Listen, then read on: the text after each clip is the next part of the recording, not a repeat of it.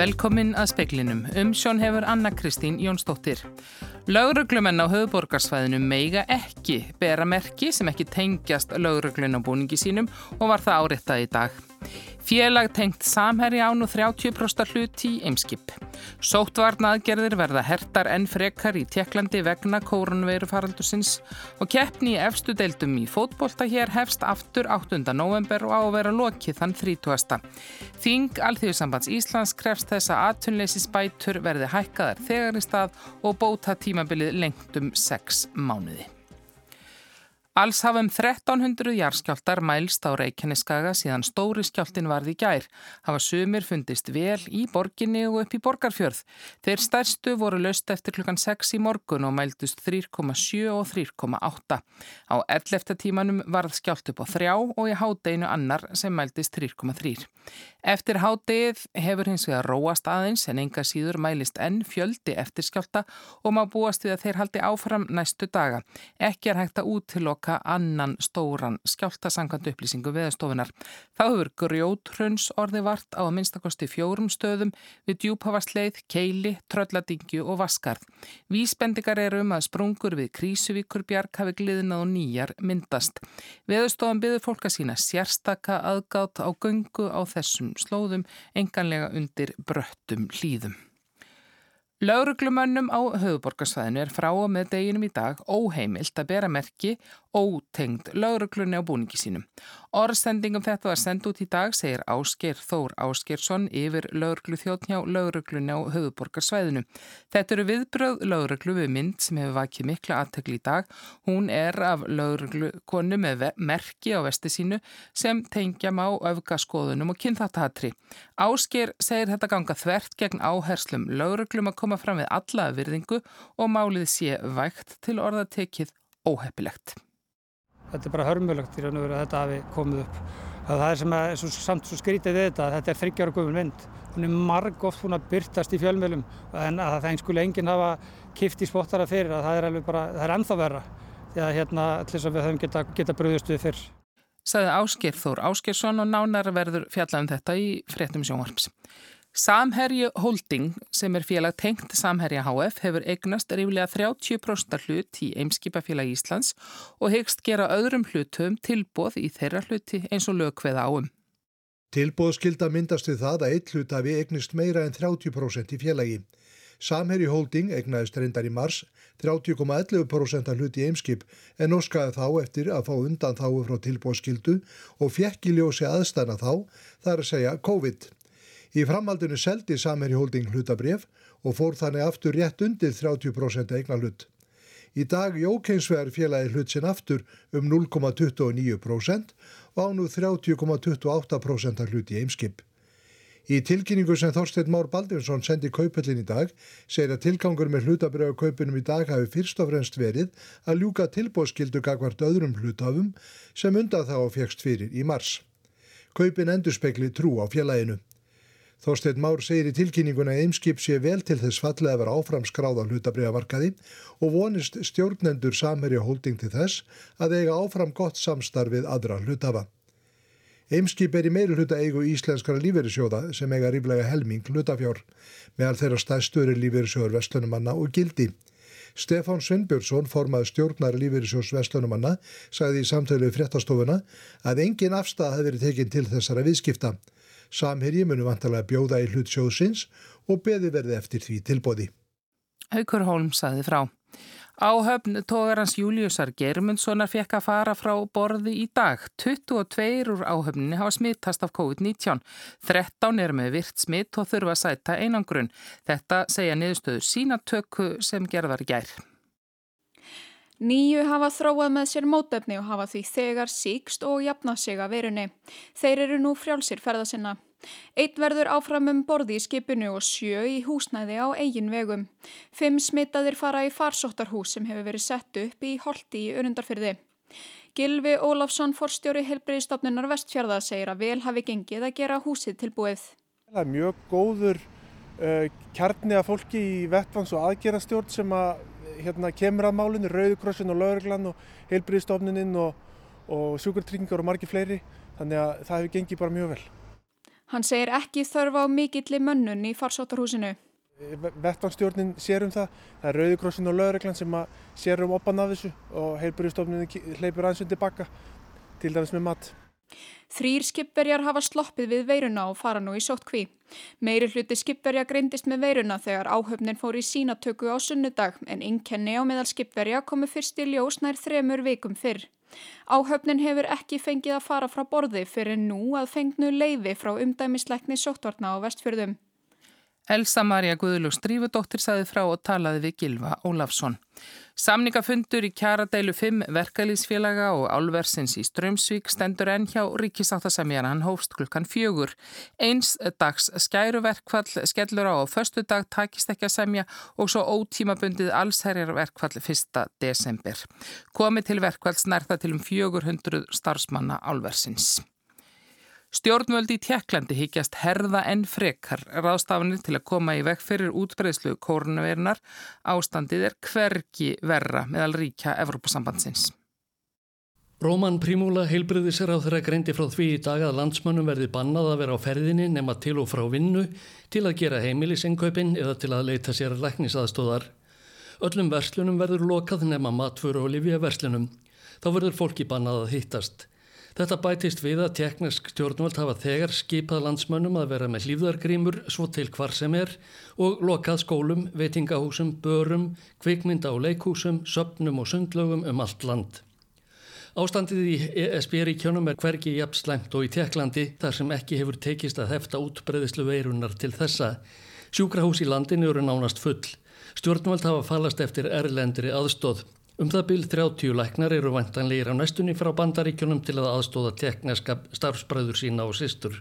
Bönduð hafa verið hátt í 2000 sjúkrarúm, þau á að nota á bráðabyrða sjúkrahúsi sem verið er að reysa í útkverfi höfuðborgarinnar Prag. Letóar Evrópasambandsríkja ætla að ræða útbreyðslu koronaveirunar í Evrópu á fjarfundi sem bóðaður hefur verið 29. oktober. Áskeir Tómasson saði frá. Kórnveru smitt eru komin yfir eina miljón á spáni. Síðastliðin sólarheng voru staðfest smitt tæplega 17.000 manna. Fyrsta smitt greindist á spáni 31. janúar á La Gomera sem er einn Kanari-eia. COVID-19 sjúkdómurinn hefur dreyið yfir 34.000 til dauða á spáni þar af 156 síðasta sólarhengin. Keppni í efstu deildum kalla á kvenna í fótbolta hefst aftur 8. november. KSI gaf út uppfærða leikjadagskrá í dag. Ljóst er að lítið móta bregða því loka umferði úrvalstild kalla er sett á 30. november sem er síðasti mögulegi leikdagur með að vera gluggerðina. Leikjum í undan úrslitum og úrslitum byggarkeppni kalla á kvenna hefur ekki verið fundin dagsetning. Ólíklegt að byggarmeistarar verði kríndir á þessu ári. Spurning hvort byggarn verði kláraður í vor eða hvort hreinlega ekkert lið verði byggarmeistari. Þing Alþjóðsambands Íslands krefst þess að grunn aðtunleysisbætur verði hækkaðar þegar í stað til samræmis við þróun lægstu launa og að bóta tímabili verði lengt í 36 mánuði. Sjálfkjörið var í allar forsettastöðu sambandsins og var að forsetum fjölgað úr tveimur í þrjá. Ragnar Þór Ingólfsson, formaður Vaffer, er nýr varaforsetið að sí. 44. þing Alþjóðsambans Íslands var haldið við þar aðstöðu sem nú er í bóði vegna COVID-19. Þinga í sí eru yðurlega fjölmennar samkomur sem standi yfir í einhverja daga. Þingi núna var stutt og hófst í morgun og laugum þrjúleitið. Álíktanir sem lagðar hafðu verið fyrir þingið voru ekki afgreitar. Þeim var frestað fram á voru eða þar til ástandið býður upp og að fólk komi saman og ræði málinn. Nú sátuð þingfulltrúar heima hjá sér eða á skrifstofun sínum og fylgdust með í gegnum fjarfundabúnað. Fulltrúarnir eru með 300 talsins og þeir gáttu að sjálfsögðu lagt orði í belg. Þó að almennar áleiktanir hafa ekki verið afgreitar var samtitt lagabreiting um að fjölga varafósitum úr tveimur í þrjá. Skiptar skoðanir vorum þessa breytingu en lagabreitingin var þó samþygt. Sjálfkjöri var í allar fórsetastöðurnar, Drífa Snædal, fórseti sambansins, var sem sagt endur kjörin. Ragnar Þór Ingólfsson, formadur VFR, bauð sér fram sem að varafórseta. Hann er nú orðið þriðji varafórseti á samt Solvu Önnu Jónsdóttur, forman eblingar og Kristjáni Þórði Snæ Bjarnarsinni, formanir af þennar sambans Íslands. Ragnar Þór er því komin í miðstjórnaði sí sem hann sagði sig úr í vetur á sandi Vilhjálmi Birgisinni, formanni verkalýs félags Akranes. Þá var miðstjórnafuttrum fækkað úr 12 í 11 og kosi varum þá á þingjun í dag. Á þingjunu var samþygt áleitunum vinnumarkarsmál og þar segi meðal annars 44. þing ASI krefst þess að ríkisfjármálum verði beitt að fullum þunga til að milda höggið af kreppunni og því er með öllu hafnað að almenningur eigi að bera kostnaðina björgunar aðgerðum stjórnvalda með niðurskurð á ofinberi þjónustu og herri tekisköttum og gjaldtökum. Þrátt fyrir aukna skuldir er ríkisjóðu sterkur, vextir er í sögulegu lámarki og gjaldirins var að forði Selabanka Íslands aldrei verið meiri. Verkefni hins ofinberan er að koma í veg fyrir atvinnleysi og tryggja að möguleg verðbolg og gengisfall valda ekki afkomu og skuldavanda fyrir einstakling og heimili.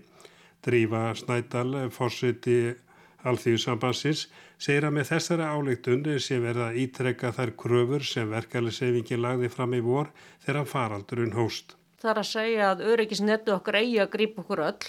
Við krefjumst lengingar uh, aturleysis bóta tímabilsins í þessu ástandi við, hækkunar uh, aturleysis bóta, uh, virkra vinnumarkasaðgerða sjálfsögðu og síðan að uh, þessi kreppa mun ekki leiða til þess að við skerðum uh, velferðarkerfin okkar, að þau standundi sér og við notum ríkisfjármálinn til þess að, að koma okkur út úr þessari kreppu og taka höggi sem, sem við verðum öll fyrir núna. En hvað er það, er það sem þið sérstaklega óttist? Þið hafið talað um að það sé vilji meðal aðverðreikand og fleiri að, að skerða launin. Já, hvað er það sem þið óttist? Við óttumst að sjálfsögju kjæraskerðinga, við óttumst uh, langtíma aðtunleysi sem er kannski stærsta verkefni sem við stöndum fram með fyrir. Uh, síðan um, óttustu líka þær rettir sem, að, sem að eru komnar á flegi fyrir núna. Það þurfa að skera niður í velferðarþjónustu engavæðan eða eitthvað slíkt. Eh, að einhvern veginn höggva í okkar grunnstóðir sem eru um það byrða versta sem hægt er að gera. Uh, við sjáum það bæði hérlendis og erlendis, uh, vaksandi krafa um það að uh, leiðin okkar út úr þessar kreppur að verja lífskjörin og þá erum við náttúrulega að verja þau í gegnum sko örgiskerfin okkar, í gegnum kjærasamningan okkar og síðan þurfum við að koma fólki í greiðsliskjól sem hefur farið illa út úr ástandinu eins og er á þessu ári. En er raunhæft að leggja fram kröfur sem að fyrir sér hækkanir eins og til dæmis hækkun á atvinnulegsins bótunum? Já, uh, það er raunhæft. Uh, við heyrum núna tónin til dæmis í sveitafélagunum þar sem það er farið að þingjast verulega fjárasast og sveitafélaga.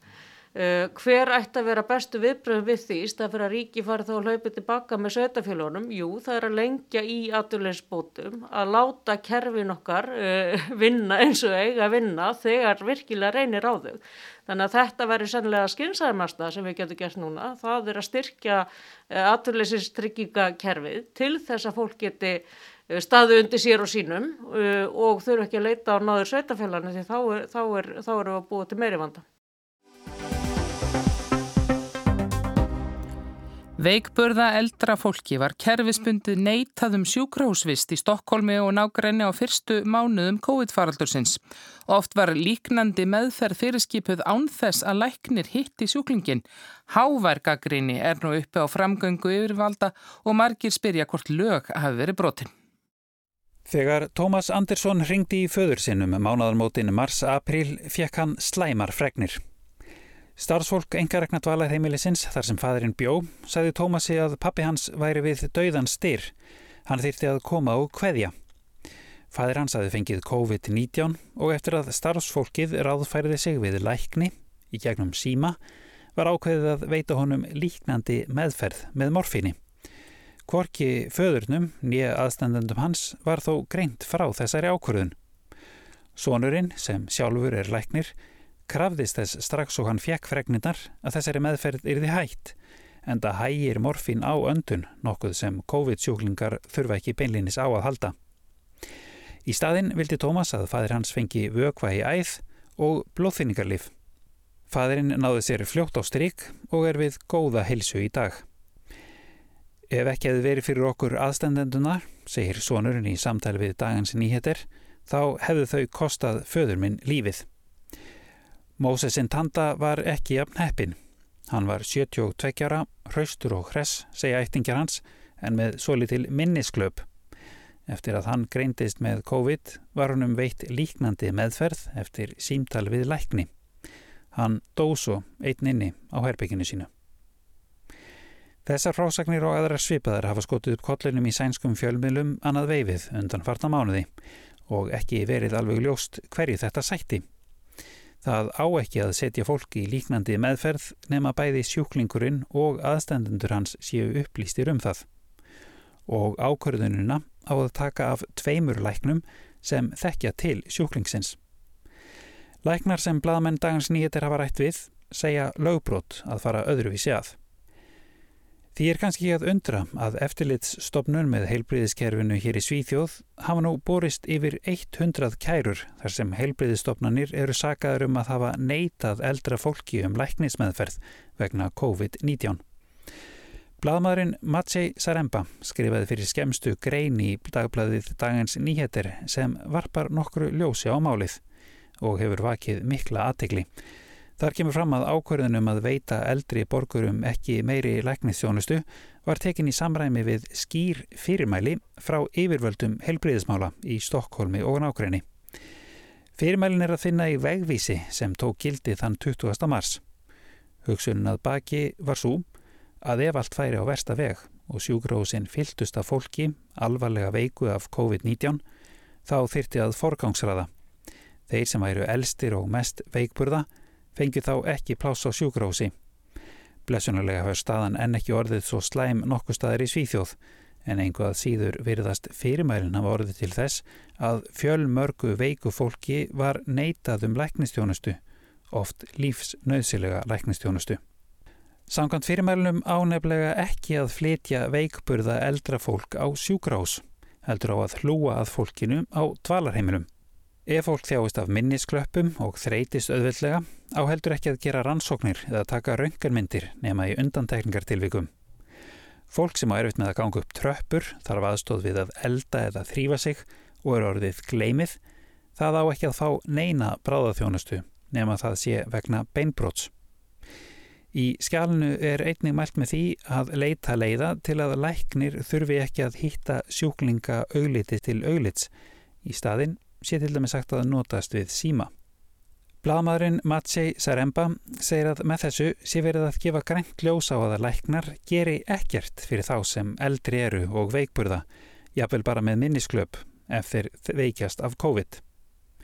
Eftir að reglurnar voru settar fækkaði læknisheimsóknum á dvalarheimili í Stokkólmi um fjörðung á sama tíma á COVID-faraldurinn var að komast í fullan gang og margir veikir. Að fólk sem býr á dvalarheimilum fá ekki að leggjast inn á sjúkrós þýðir í raun að það fær litla læknistjónustu því að möguleikar á að hjúkra fólki og lækna inni á sænskum dvalarheimilum eru í flestum tilfellum mjög takmarkaðir. Þar eru oft engin tæki til að mæla súrefnismettun eða gefa súrefni og ekki tæki eða kunnáta til að gefa vökva í æð. Því var oft kannski fátt til ráða annað en að býða og sjá eða veita líknandi meðferð ef heimilisfólk vektist af COVID-19. Þegar vegvísirinn um meðferð eldri borgara hafði verið í gildi um tvo mánuði var hann um breytt eftir þrýsting frá læknum og eftir umfjöllun fjölmila. Orðið forgangsröðun var felt út og flokkurinn í heilbrygt eða veikburða eldra fólk varð ekki lengur jafn algild. Auk þess var ekki lengur bannað að senda veikburða fólk á bráðumáttöku þótt að væri mælst til þess að það væri ekki gert. Og loks var tekið fram í nýja vegvísinum að læknir með næjanlega þekkingu ætti að meta hvert tilfelli fyrir sig. Um 90% þeirra 5.922 sem nú hafa látist af völdum COVID-19 hér í Svíþjóð voru 70 eða eldri og stór hluti látina bjó á dvalar eða hjókunarheimilum, sérstaklega í Stokkólmi. Stopnun sem hefur eftirlit með sænska heilbriðiskerfinu hefur verið að rannsaka viðbröðin við COVID-faraldrinum frá því í mæ. Hvort vegvísirinn frá yfirvöldum í Stokkólmu og nákrenni hafi orðið til þess að fólk leti lífið að óþörfu á vonandi eftir að koma í ljós. Þetta er Kári Kílósson sem talar frá Gautaborg. Það má með sann að segja að þessi bylgja MeToo hafi riðið yfir í Danmörku bara eins og stór jarðskjálti og að eftirskjáltarnir rýstlist núna yfir stjórnmálaflokkana og þá ekki síst stjórnarflokkin, flokk jafnaðamanna Segir Rósa Guðrún Ellingstóttir stjórnmálafræðingur og vísað þar til þess sem gengið hefur á í dönskum stjórnmálum síðustu vikur. Ásakanir um kynferðislega áreitni hafa þar verið áberandi. Í byrjun vikunar saði Frank Jensen, varaformaður jafnamanna og borgarstjóri kaupmannahafnar til tíu ára af sér embætti, stuttir síðan Morten Östergård vek sem leðtögi radikali venstre eftir að hafa gengist við því að hann hefði áreitt flokksistur sína. Þá hefur verið rifjað upp og kært til lögreglu að fyrir 12 árum hafi Jeppe Kófúð, núverandi uthærikisráð þeirra sem þá var 34 ára þingmaður og uppleið í jafnamannafloknum, haft samræði við 15 ára stúlku á samkomu ungra jafnamanna. Tómas Brossen Smith, verkefnistjóri hjá Alþjóðlega jafnbrettiskólanum í Háskóla Íslands, finnst sem þessa stundina séu áhrif MeToo-bylgjunar mest á vinstrivæng danskarar pólitíkur. Hjá flokkum sem hafi skipað sér sjálfum í sveit þeirra sem láti sig jafnbrettismál, kynferðslegt óðbeldi og áreitni varða, mál áberandi liðsmanna komið í illa við þá, en viðþór dansks almennings hafi breyst. Það sem ég sé núna uh, í Danmörku uh, og í gegnum fjölmiðhöðlum og í gegnum sam, samfélagsmiðhöðlum er meira held ég viðbröðin sem var á Íslandi fyrir þremum árum síðan. Þetta kemur svolítið seint. Það er fólka með spurningar eins og af hverju sagði hún ekki neitt? Af hverju sagði hún ekki nei? Af hverju vil hún ekki nafngreina þú veist, fólk sem er að gera þetta í pólitíkinu? Þú veist, alls konar spurningar sem við erum búin að fara í gegnum á, á Íslandi og það bara vonandi leytir þetta til einhvers konar viðhófsbreyting uh, en ég hef verið að segja þegar ég hef verið að fylgjast með núna uh, í smá tíma þá já, það er einhvers konar viðhófsbreyting Og Tómas segir að þessa breytingar gerist mjög hratt. Hann tekur dæmi af Adam Holm, þekktum bladamanni, sem hafi fyrir nokkrum vikum skrifað að ræða fjölmiðla konuna Sofjar Linde síð sumars, þar sem hún sagði frá áreitni sem hún var fyrir af hálfu yfirmann síns þegar hún var að stíga sín fyrstu spór í fjölmiðlum, hafi skadað MeToo reyfinguna. En tveimu vikum síðar hafi Holm skipt algerlega um skoðun, Linde hafi ekkert skadað umræðuna heldur hlift hennu upp og full nöðsenn hafi verið til. En getur eitt ávarp haft svona mikil áhrif? Ég held líka að fjölmiðlar í Danmörku hefur farið að þessu miklu öðruvísi í þetta skipti en það gerði 2017. Í 2017 þegar var þetta mál úr bandaríkunum með Harvey Weinstein og, og ég veit ekki hvað, það var danska fjölmiðlar rosamikið að fylgjast með hvað gerðist í öðrum löndum. Þau voru að fylgjast með hérna Weinstein og Ronan Farrow, þau voru að fylgjast með uh, hérna Anno og, og Sænska Akademian og var að uh, á einhverju leiti kannski að tala um MeToo sem sem var að gerast eitthvað annar stað en í þetta skipti eftir Sofí Lindi þá er það eins og hérna, fjölmiðlar í Danmörku er virkilega að takast á þessu og, og ofta á einhver hátt sem, sem fylgir með sig á rosamikið gaggrinni Það var til dæmis hérna kynjafræðingur í Danmörku, Kan Sjöop, sem sagði í gær að fjölmiðlar er virkilega klámvæða MeToo umræðina og þann hátt sem þau eru að gera þetta. Til dæmis er talað um Morten Østergaard úr hérna ra radikale venstre og Frank Jensen úr hérna socialdemokraterne sem einhvers konar ógeðslega kattmenn sem hefur gerað eitthvað svona mjög mikið af sig, eitthvað rosalega ógeðslegt og hún segir að það meiðu umræðinu að þann hátt að það lítur út eins og þessi kallmenn sem bara einstakir. Þetta er bara einstök hérna dæmi og það gerist ekki annar stað. Að þetta er bara núna sem þetta gerast, það sem staðreindin er náttúrulega svo að þetta hefur verið að gerast alltaf Rósa segir að Lindi hafi með áarpi sínu tekið lokið af sjóðandi potti. Umræðan hafi farið vaksandi síðan og leitt af yngri konum. Ritt Bjerregård, einn þekktasti stjórnmálamæður Dana, tók í fyrsta sinn sæti á þingi árið 1971 fyrir jafnamenn. Hún sagði í viðtali við djeri vikunni að yngri konur sættu sig ekki við það sem þær gömlu höfðu látið yfir sig ganga. Við gamlu Vi har levet med, at sådan var det åbenbart, og sådan gjorde mænd, og det galt om at vide, hvem der var ude på noget, og hvor man skulle holde sig øh, for sig selv. men øh, vi anså det ikke for muligt, at øh, det var noget, vi kunne lave op på. Svona gerðu bara kallmenn og konur þurfti að vita hverja og hvaða kringumstæður ætti að varast og þær hefðu bara ekki séð að þær gætu breytt þessu, saði Bjarri Gort. Rósa segir það vitað að áreitning gegn konum í stjórnmálum sé kerfispundin. Umræðinu sé alls ekki loki í Danmörku. Forsættisráð þegar hann Mette Fredriksson hafi sjálfsagt í vikuna búast megi við fleiri málum úr röðum jafnamanna. Fórustu konur annar, af annari kynnslóð hafa einnig tekið til máls og sagt að, að þetta sé merki um, þessi sterka umræða sem merki um hérna, kynnslóðaskipti í danskri pólitík að ungar konur sem að ætli sér frama og, og, og vilji fá sitt rými að þær sættir sér síður við kynferðislega áreitni að konur sem að tóku til starfa í pólitík á, á kannski áttunda áratögnum og höfðu meðvind nýju kvennarhefingarinnar í, í, í bakið þurftu einfallega að sætta sig við áreitni og, og, og jætvel meira heldur en það. Auðvitað er þetta graf alvarlegt mál. Þetta varðar okkar fulltrúalýðræði vegna þess að við vitum líka að, að konur gefa síðu kost á sér til þáttöku í stjórnmálum og konur eru í mjög miklu minnuluta þeirra sem að fara með stjórnmála í viðskiptalífinu. Í Danmörku til dæmis var ég að fletta upp tölum og konur stýra, þess að það eru 70 konur sem að setja í stóli framkvæmtastjóra í þúsund stærstu fyrirtækjunum í Danmörku, 70.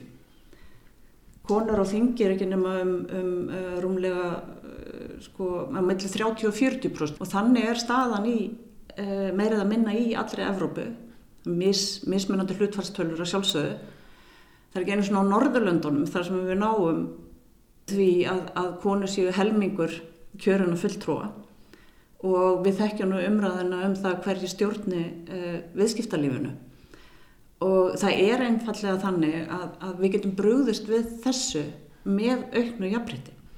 Af því að sá svo menning sem að fylgir konum í ábyrðastörfum hún er önnur. Tómas segir að sjálfsýminn Dana og við þorð þeirra gagvart kynlífi geti fælið sér vanda. Í Danmörku hefur alltaf verið einhvers konar menning gagvart bara kynlíf almennt að þetta sé eitthvað svona á að vera eitthvað svona rosalega lauslegt, eitthvað svona rosalega, þú veist, við erum svo rosalega frjáls í Danmörku þegar það kemur að kynlífi og, og, og svona hluti sem, sem, þú veist, á einhver leiti er, þú veist, rosalega jákvægt en á sama tíma þá þessi svona, svona kynlífsliberalisma fels rosa líka, þú veist, fels rosa oft í því líka að maður sé svona rosalega, veist, ekki með alvarlegum augum á kynfærslega áreiti. Því þá er hérna, þó þú sé kannski yfirmanns, þú veist, einhvers og þú veist, fyrir að taka fólk á fólkleikin eða lærið eða eitthvað, þú veist, þá er þetta bara gaman, skilur, þú veist, við vorum bara fullið, þú veist, þá var bara áfengið þessu og þú veist, hún sagði ekki nei þegar ég gerði þetta, þannig að þú veist, ég gerði þetta bara, þetta er ekki eitthvað sem þú veist, þarf að taka alvarlega og það hefur kannski verið hérna svona orræðan í Danmörku mjög, mjög lengi. Ritt Bjegó híka hérna sem hefur verið tengt danspolítik mjög, mjög lengi sagði að unga konund í dag er ekki uh, að láta þetta ganga yfir sig ekki lengra, hún sagði að þetta hefur alltaf verið að gerast í dansk pólitík og konur hefur líka, þú veist, þurft að hugsa með sig að nei, nei, þetta er ekki neitt alvarlegt. Veist, þetta er svona internalized sexism eða hvað maður skuldi kalla, kalla þetta. Konur hefur raunin verið að segja sjálf að sig að já, nei, þetta er kannski ekki neitt alvarlegt. Nema þá hafa þau í raun fengið að fylgjast með umræðinu fyrir utan Danmörku, skiluru og þegar það gerist í þetta skipti þá eru þau búin að fá nóg. Það að þetta sé svona samtal á milli kynnslóða er jákvægt af því að við höfum líka séð að hér heima að það hafa verið yngri kynnslóðu kvenna sem hafa verið drivkrafturinn í kvennabaröftunni á undanförnum áratug játvel. Þetta er eins og svona segt fljót sem að flýtur áfram og magnast og magnast vegna þess að þessi kynnslóð, hún ætlar sér ekki að sætta sig við það sem að eldri konur þurftu að gera og þessi kynnslóð er heldur bara ekki alin þannig upp, hún er alin þannig upp að við höfum sagt þessum stelpum að þær geti gert allt sem þær ætli sér. Þær eigi að taka sitt plás og þær eigi rétt á því að taka sitt plás og þar sé samfélaginu öllu til hagspóta gerir þær það. Síðan auðvitað reka þær sig á þessa veggi og, og hugsa ég ætla ekki að sætta mig við þetta. Saði Rósa Ellingsdóttir og líka var rætt við Tómas Brossen Smith. Það eru horfur á snjókomi snemma í nótt og í fyrramálið á helliseiði og í þrengslum og gæti þér orði blind snemma í fyrramálið. Það verður annars allkvöss eða kvöss austanátt á morgun, stormur síðst um kvöldið, hægari norðanlands, rigning eða slitta suðaustan til úrkomi lítið og það er ekki fleira í speklinum. Tæknum eða var gísli Kjaran Kristjánsson veriði sæl.